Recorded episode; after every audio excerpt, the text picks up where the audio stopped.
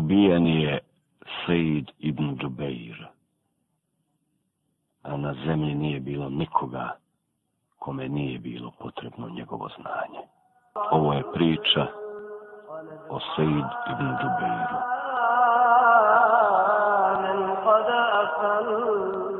Said ibn Džubeir bio je snažan mladić, razvijene građe i pun energije i poleta. Uz to bio je još i razborit, oštruman, izrazito moralan i čestit. Ni njegova crnoputa boja kože, ni kovrđava kosa, ni abesinsko porijeklo, nisu mu uprko s mladim godinama smetali da izraste u izuzetno sposobnu i nadaleko čuvenu ličnost. Ovaj mladić, abesinac po porijeklu, a Arab po odanosti, Uvidio je još od malih nogu da je znanje njegov jedini pravi put koji će ga dovesti do Allaha, a bogobojaznost jedini sigurni način da zasluži ulazak u džennet. Pa se sa desne strane okitio bogobojaznošću, a sa lijeve strane znanjem. Za njih se objema rukama čvrsto uhvatio i krenuo kroz život koji nije bio ni malo lahak, ni lagodan.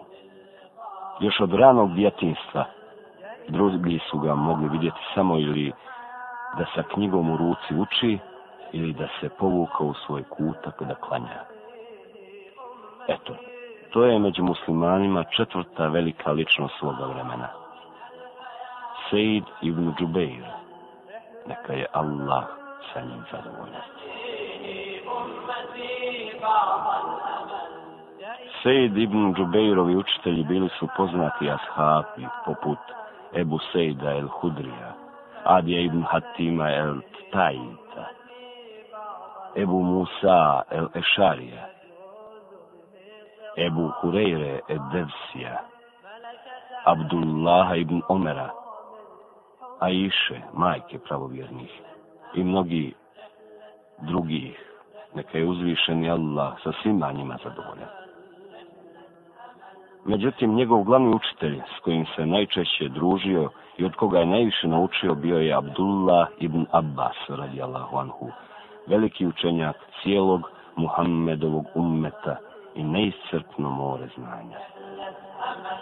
Otkako je upoznao Abdullah ibn Abbasa, Sejid ibn Džubeir se od njega nije odvajao, prateći ga kao sjenka kuda god bi krenuo. Tako je po najviše od njega stekao bogato znanje iz Kur'ana, tefsira i hadisa. Družeći se sa njim, pored zdravog prosuđivanja u vjeri i poniranja u tajne tumačenja Kur'ana, Sejid ibn Džubeir je stekao i široko poznavanje jezika, solidno uladavši vještinom retorike, tako da u njegovo doba nije bilo čovjeka koji od Sejda nije mogao nešto naučiti. Poslije toga u potrazi za znanjem neko vrijeme se dao na putovanja, uzduž i poprijeko islamskog svijeta, nakon čega je za svoje stalno mjesto prebivališta izabrao grad Kufu, gdje će ubrzo postati glavni imam i učitelj. Tamo u Kufi bi, kada bi došao Ramazan, kao imam stao pred ljude, pa jednu noć Kur'an učio po kirajetu Abdullaha ibn Mesuda, drugi po kirajetu Zajda i Musabita, a treći po kirajetu nekog trećeg.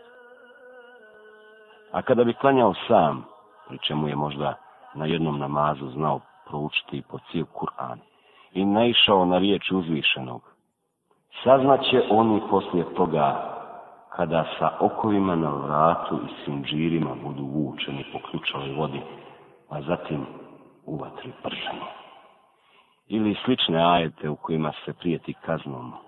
Koža bi mu se naježila, srce sladilo, a iz očiju od straha potekle suze.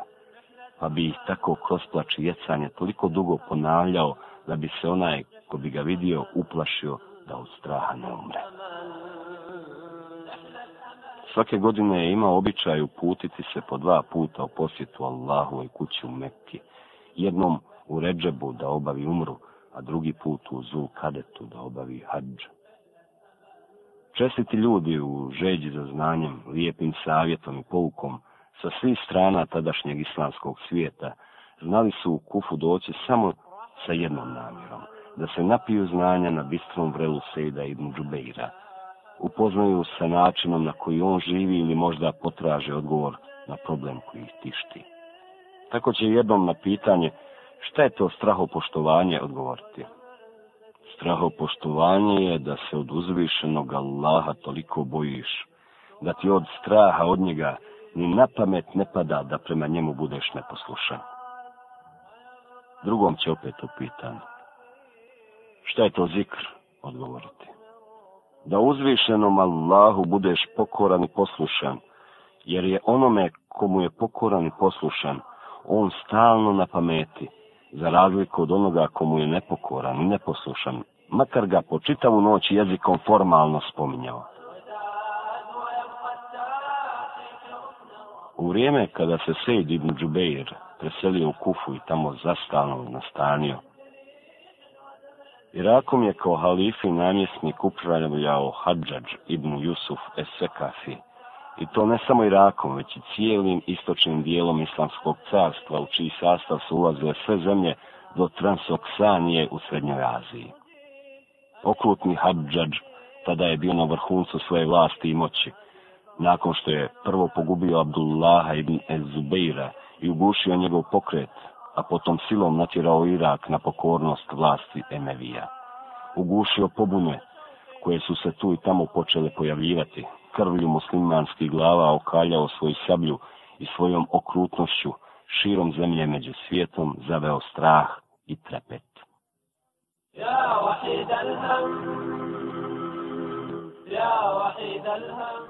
Allahovom voljom poslije je došlo do krvavog sukoba između Hadžađa ibn Jusufa Esekafija, jednog od njegovih vojskovođa, Abdurrahmana ibn El-Ešata. Sukob se ubrzo pretvorio u građanski rat, koji je na sve strane žario i palio i muslimanskom tkivu nanio duboke rane. Povod za ovaj krvavi sukob bio je taj što je Hadžadž poslao veliku vojsku pod Ibn Ešešatovom komandom protiv turskog vladara Redbila i koji je vladao ogromnim prostorima istočno od Siđistana. Pod komandom ovog slavnog vojskovođe, muslimanska vojska osvojila je veliki dio Redbilova carstva, zauzela brojna utvrđenja i gradove i domogla se bogatog ratnog plijena, nakon čega je Ibn el-Ešad Hadžadžu poslao svoje zaslanike sa vijestima o velikoj pobjedi muslimana. Hadžadžu je usto za državnu blagajnu poslana i petina bogatog ratnog plijena. Međutim, U jednom od svojih pisama Ibn El Ešat je predložio da se za neko vrijeme obustave borbe da bi se prije daljnji prodora u dubinu ovog planinskog područja izvidio teren, strateški pravci daljnjih osvajanja i slabe tačke neprijatelja, kako se pobjedonosna muslimanska vojska ne bi dovela u opasnost i zapala u zasjedu. Kada je primio ovo pismo, Hadžadž se od gnjeva razbjesnio, pa je ovome slavnom zapovjedniku poslao pismo u kome ga je optužio za kukavičuk i nesposobnost. Upozorio ga na neželjene posljedice i zaprijetio da će ga smijeniti sa položaja zapovjednika i na njegovo mjesto postaviti drugog čovjeka. Primivši ovo pismo, Abdurrahman je sazvao zapovjednike svih četa i najistaknutije borce na zajednički sastanak, pročitao im Hadžadžovo pismo i zamolio ih da i oni kažu šta o tome misle pa su mu predložili da mu se suprostavi i odbije poslušnost. Na to ih je Abdurrahman upitao. Dijelite li mi zakletvu na vjernost da ćete mi pomoći u borbi protiv njega sve dok ga ne svrgnemo i dok Allah od njegovih zlodjela ne očisti Irak? Pa su se složili i na tomu dali zakletvu. Tako se Abdurrahman ibn al-Ešad sa svojom silnom vojskom okrenuo protiv zloglasnog Hadžađa. Nedugo poslije toga doći će do žestokih sukoba između dvije muslimanske vojske. Jedne je pod komandom Abdurrahmana ibn al-Ešata i druge je pod komandom Hadžađa ibn Jusufa Esekafija. Abdurrahman ibn al-Ešat iz ovih krvavih sukoba izaći će kao pobjednik – preuzeti kontrolu nad Siđistanom i gotovo cijelom Persijom, a potom krenuti da iz Hadžađovih ruku istrgne i dva najveća grada u Iraku, Kufu i Basru.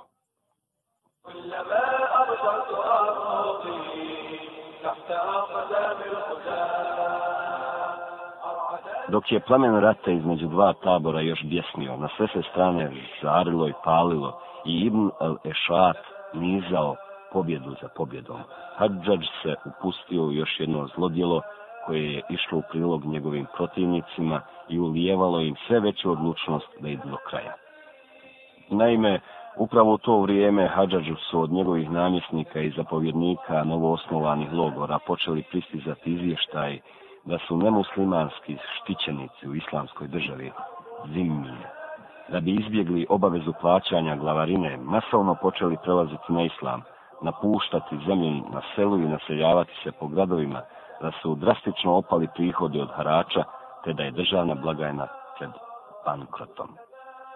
Na to je Hadžadž svojim namjesnicima u Basri i drugim gradovima uputio pisma, u kojima im je naredio da sve zimije po gradovima pokupe i vrate na sela odakle su i došli, bez obzira na dužinu vremena provedenog po gradu.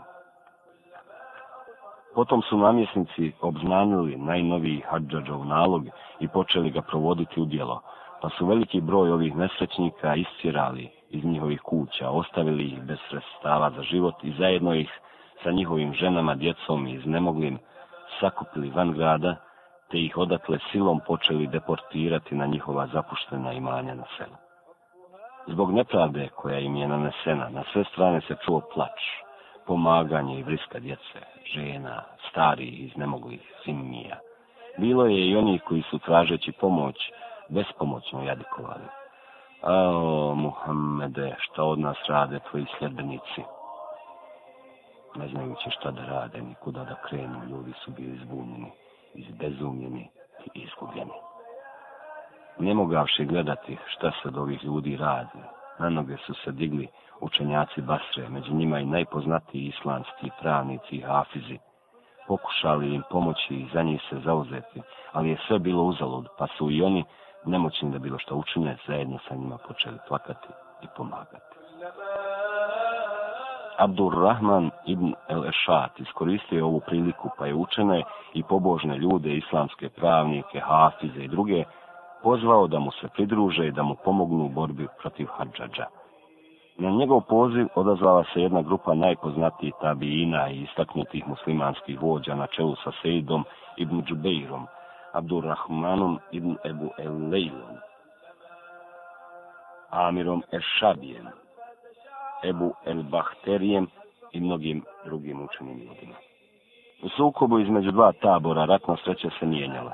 Ona je u početku bila na strani Ibn Elešata i njegovih pristalica, ali će kako je vrijeme odmicalo, sve više biti naklonjena Hadžadžu, dok na kraju Ibn Elešat nije doživio potpuni poraz i davši se u bijeg, jedva spasio živu glavu, nakon čega se njegova vojska predala Hadžadžu i njegovim milicima. Nakon ovih događaja, Hadžadž je naredio svojim glasnicima da pozovu poražene vojnike da mu ponovo daju zakletu na vjernost, pa su se neki odazvali, a neki širom zemlje na razne načine razbježali i počeli skrivati. Među onima koji su se odlučili na skrivanje bio je i Sejid ibn Džubeir radijallahu anhu. Međutim, kada su oni koji su se predali došli da Hadžadžu ponovo daju zakletvu na vjernost, bili su iznenađeni sa onim što ih je čekalo, jer je on lično svakog vojnika pojedinačno pitao. Priznaješ li da si time što si prekršio zaklet u datu namjesniku vladara pravovjernih bio otišao u nevjernike.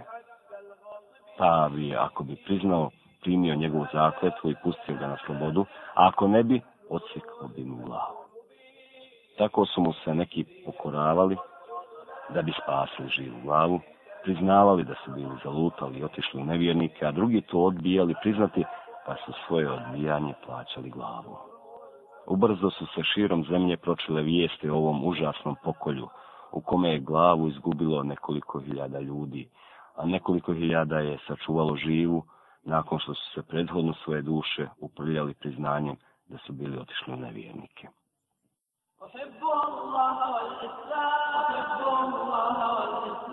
Tako se pripovjedalo da se jedan starac po odmaklim godinama svoga života iz plemena Hasan, sa onu strane Ufrata, nije htio staviti ni na jednu od dvije strane, nego je nastavio voditi svoja posla, pa su zbog toga i njega doveli pred Hadžadža, koji ga je kada su ga uveli upitao kako je i čime se bavi, na što mu je odgovorio. Od kako je izbio ovaj požar, cijelo sam vrijeme kod svoje kuće, s onu stranu rijeke. Bio neutralan čekajući kako će se rat završiti, pa su me evo nakon što si ti pobjedio, doveli da tebi da zakletvu na vjernost. Na to je Hadžadž skočio i od bijesa na njega povikao. Teško tebi, zar si čekao da vidiš kako će se borba završiti, a nisi htio stati iza svoga namjesnika i zajedno se sa njim boriti? Potom ga je nastavio još grditi, dok ga na kraju nije upitao. Priznaješ li da si nevjernik? Tomu je starac odgovorio jadan li bih ja čovjek bio kada bih nakon što sam 80 godina robovao Allahu svojim jezikom za sebe priznao da sam nevjernik. Onda ćete ja pogubiti, zaprijetio mu je, pa mu je starac odgovorio. Velike li štete što ćeš me ubiti, jer tako mi je Allaha. Ne mislim da mi je od života ostalo duže nego što je žeđ magarca, koji se ujutro može napiti, a već na večer uginuti. Osim toga i onako kada osvanem, ne mislim da ću noć dočekati, niti kada omrknem, da ću zoru ugledati. Zato od mene možeš raditi što god hoćeš. Na to je Hadžadž naredio dželatu da mu sjeće glavu, pa mu je ovaj i osikao. Na taj postupak niko od pristnih, svejedno bio Hadžadž u pristalici, ali protivnik nije mogao ostati ravnodušen. Jer svi su se do jednog سجل المستعصى الزوزين حجاج Zatim je Hadžadž pozvao Kemila ibn Zeira da je en nahija i upitao ga, priznaješ li ti za sebe da si nevjernik? Tako mi Allaha ne priznajem, odgovorio je, pa mu je zaprijetio. Onda će te ubiti. Uradi ono što si naumio, odgovorio mu je i dodao. Samo ne zaboravi da ćemo se ponovo pred Allahom naći i da ćeš za ubijstvo pred njim račun polagati. Na to mu je Hadžač rekao. I tada će pravda biti na mojoj, a ne na tvojoj strani. Hoće, ako misliš da ćeš ti i tada pravdu dijeliti, odgovorio je Kemil, pa je na to Hadžač povikao. Odsjecite mu glavu! Pa sam mu je osjekao. Zatim su mu doveli jednog čovjeka koga je silno mrzio i jedva čekao da mu glavu sjeće, jer mu se kako su mu prenijeli volio rugati i na njegov račun šale zbijati. Zato je odmah čim ga je ugledao rekao, aha, sada pred sobom vidim i načinu za koga ne vjerujem da će priznati da je nevjernik. Pa je ovaj rekao, nemoj ti mene zavarajivati i na propast navoditi. Ja priznajem da sam najveći nevjernik na zemlji, veći od faraona koji je šatura imao. Pa ga je Hadžađ oslobodio, iako je bio žeda njegove krve. Vijesti o užasnom pokolju, kome je glavu izgubilo i nekoliko hiljada čvrstih, čestitih vjernika, a nekoliko hiljada je uspilo sačuvati, priznajući pod prisilom za sebe da su nevjernici, brzo se proširila na sve strane. Sejdu ibn Džubeiru je bilo jasno da ukoliko padne Hadžadžu u ruke, neće imati više od dva izbora. Ili da pusti da mu odrubi glavu, ili da sam za sebe prizna da je nevjernik. A to ni jedno nije htio. Zato je nakon dugog razmišljanja uvidio da bi mu bilo najbolje napustiti Irak i negdje se povući od očiju javnosti. Zato je odmah napustio Irak i dugo se vremena po Allahovoj zemlji skrivao od hađađovih uhoda, sve dok se na kraju nije nastanio u jednom malom selu u blizini Mekke. Tako je proveo punih deset godina u nadi da će vrijeme u hađađovu srcu gasiti razbuktalu vatru osvete i izbrisati mržnju prema njemu. Međutim, iznenada se desilo nešto što niko nije mogao očekivati. Naime, za novog namjesnika Mekke došao je jedan još od ranije odani sluga Emevija, Halid ibn Abdullah el Kasri. Čuvši za tu vijest i znajući od ranije za njegovu podlost i pokvarenost, izbojazni da mu se od novog namjesnika šta ružno ne desi, prijatelji su sedu ibn Džubeiru savjetovali. Ovaj pokvarenjak je došao u Meku, pa se tako mi Allaha brinemo za tvoju sigurnost poslušaj nas i odmah napusti ovo mjesto. A to im je odgovorio. Tako mi je Allaha. Bježao sam i skrivao se toliko dugo da me je Allaha više stid bježati. Zato sam čvrsto odlučio ostati ovdje. Pa neka Allah od mene radi što hoće. I doista. Pokazalo se da se Halid ni za dlaku nabolje nije promijenio. Nego da je još gori i pokvareniji nego što je svijet mislio jer čim je saznao gdje se Sejid ibn Džubeir skriva, odmah je tamo poslao čet vojnika i naredio im da ga uhapse, stave u okove i sprovedu Hadžadžu u grad Basitu i Raku. Vojnici su, kada su došli sa svih strana, opkolili kuću, uhapsili ga, na ruke mu, na očigled njegovih prijatelja, stavili okove i rekli da su dobili zadatak da ga sprovedu do Hadžadža, Sejid ibn Džubeirić je mirno, bez imalo straha i uzrujavanja, dočekao, a zatim se okrenuo prema svojim prijateljima i rekao Znao sam da ću poginuti od ruke toga tiranina. Jednom sam zajedno sa dva svoja prijatelja cijelu noć proveo u Ibadetu. Nikada kao tada nismo osjetili takvu slast Ibadeta, pa smo Allaha onako predano i skrušeno dugo i dugo molili – da bi uzvišenog na kraju zamolili da nam da da svi poginemo kao šehidi. Obojica mojih prijatelja već su odavno među šehidima. Jedino sam ja još živi, jedva čekam kada će mi se pridružiti.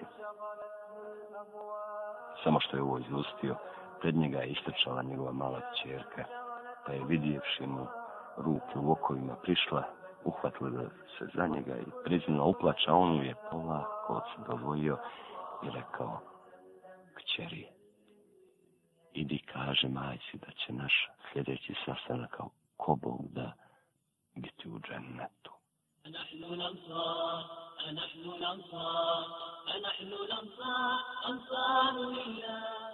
Kada su vojnici ovog velikog, pobožnog, skromnog, čestitog i bogobojaznog čovjeka doveli u grad Vasit, pravo su ga odveli kod Hadžadža, koji ga je, kada su ga izveli pred njega, samo pogledao i pun mržnje i pakosti upitao. Kako se zoveš? Said ibn Džubeira, odgovorio je. Nije nego Šeki ibn Kuseira. Dobacio je. Na to mu je Said rekao. Valjda moja majka zna bolje od tebe kako se zovem. Zatim ga je Hadžađ upitao šta kažeš o Muhammedu? Misliš na Muhammeda ibn Abdullaha sallallahu alaihi ve sellem? Upitao je Sejid ibn Džubeir. Jeste, odgovorio je. Kažem da je najodabraniji čovjek i vjerovjesnik.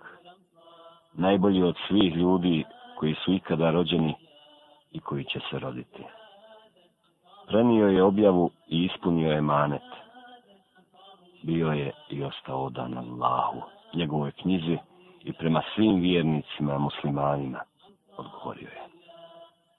Šta kažeš za Ebu Bekra? Upitao je. Kažem da je bio istino ljubiv i prvi nasljednik Allahova poslanika, sallallahu alihi veselem, te da je časno živio i kao hvaljen otišao.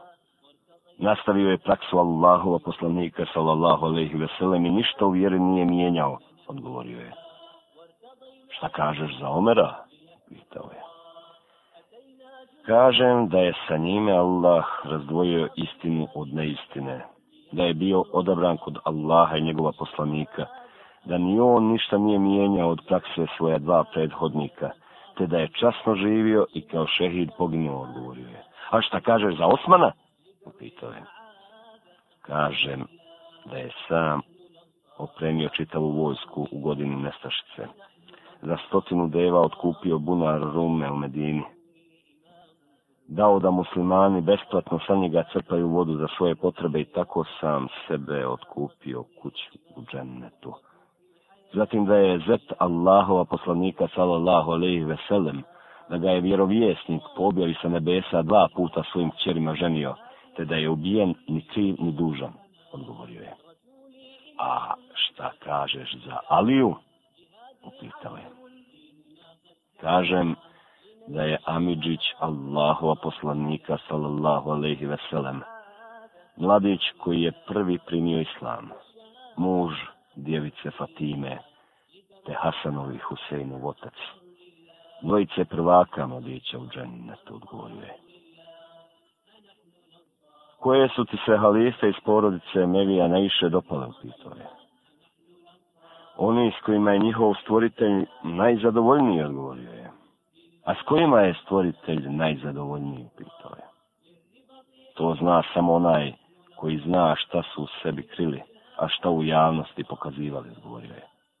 A šta kažeš o meni, upitao je.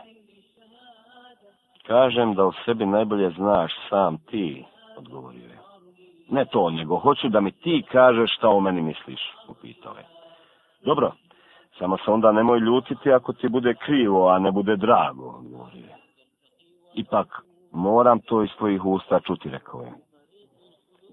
Zasigurno znam da radiš suprotno onome što u Allahove knjizi piše i da posežeš za stvarima kojima se hoćeš uzdignuti, ne znajući da time u propast srljaš i da te upravo to u džehennemsku provaliju gura, odgovorio je.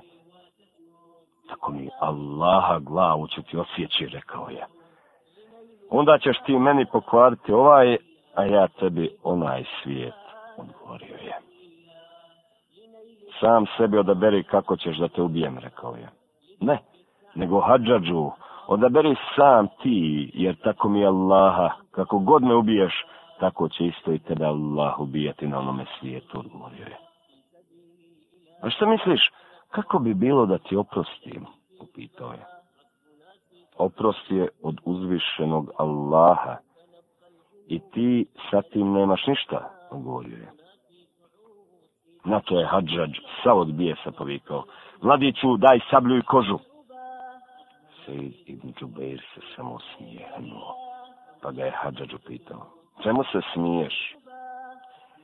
Pomislio sam ukoliko si samo prema Allahu drzak, a on prema tebi blag. Odgovorio je, pa je Hadžađ još više pobjesnio i povikao, mladiću osjeci mu glavu. Na to se Sejd okrenuo prema kibli i izgovorio riječi uzvišenog.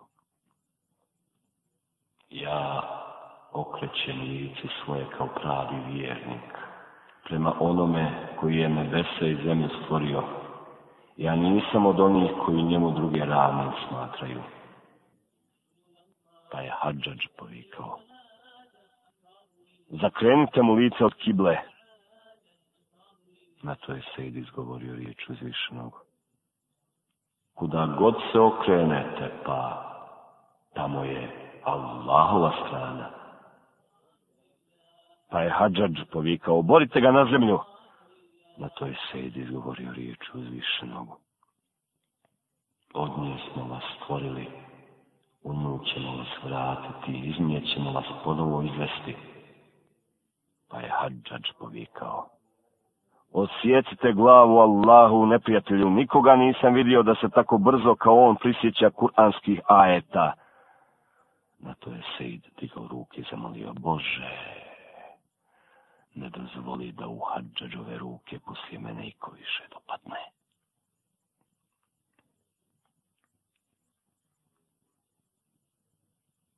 Nije prošlo ni punih 15 dana od Sejid ibn Džubeirova pogubljenja, kada je hađađ počela hvatati groznica.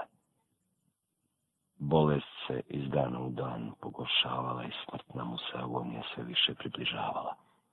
Ubrzo je počeo gubiti svijest i to tako da bi povremeno bio u komi, pa ponovo dolazio sebi tako redom. Kada bi pao u komu, činilo bi se kao da je zaspao, onda bi se iznila da sav isprepadan probudio vičući na sav glas. U pomoć, Sejid ibn Džubeir hoće da me udavi. U pomoć, Sejid ibn Džubeir me pita zašto sam ga ubio.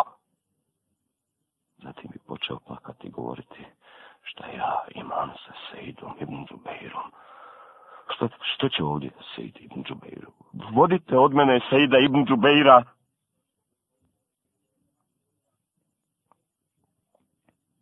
Nakon što je na velikim mukama umro i nakon što su ga u zemlju zagrnuli, jedan da je od dobrih ljudi u snu vidio i pitao. Hađađu, šta je s tobom Allah uradio zbog onih koje si ni krive ni duže pobio? Pa mu je odgovorio. Za svakog me je čovjeka po jednom ubio na isti način na koji sam ja tog čovjeka ubio, osim za Sejda ibn Džubeira. Za njega me je ubio sedamdeset put. Sedamdeset.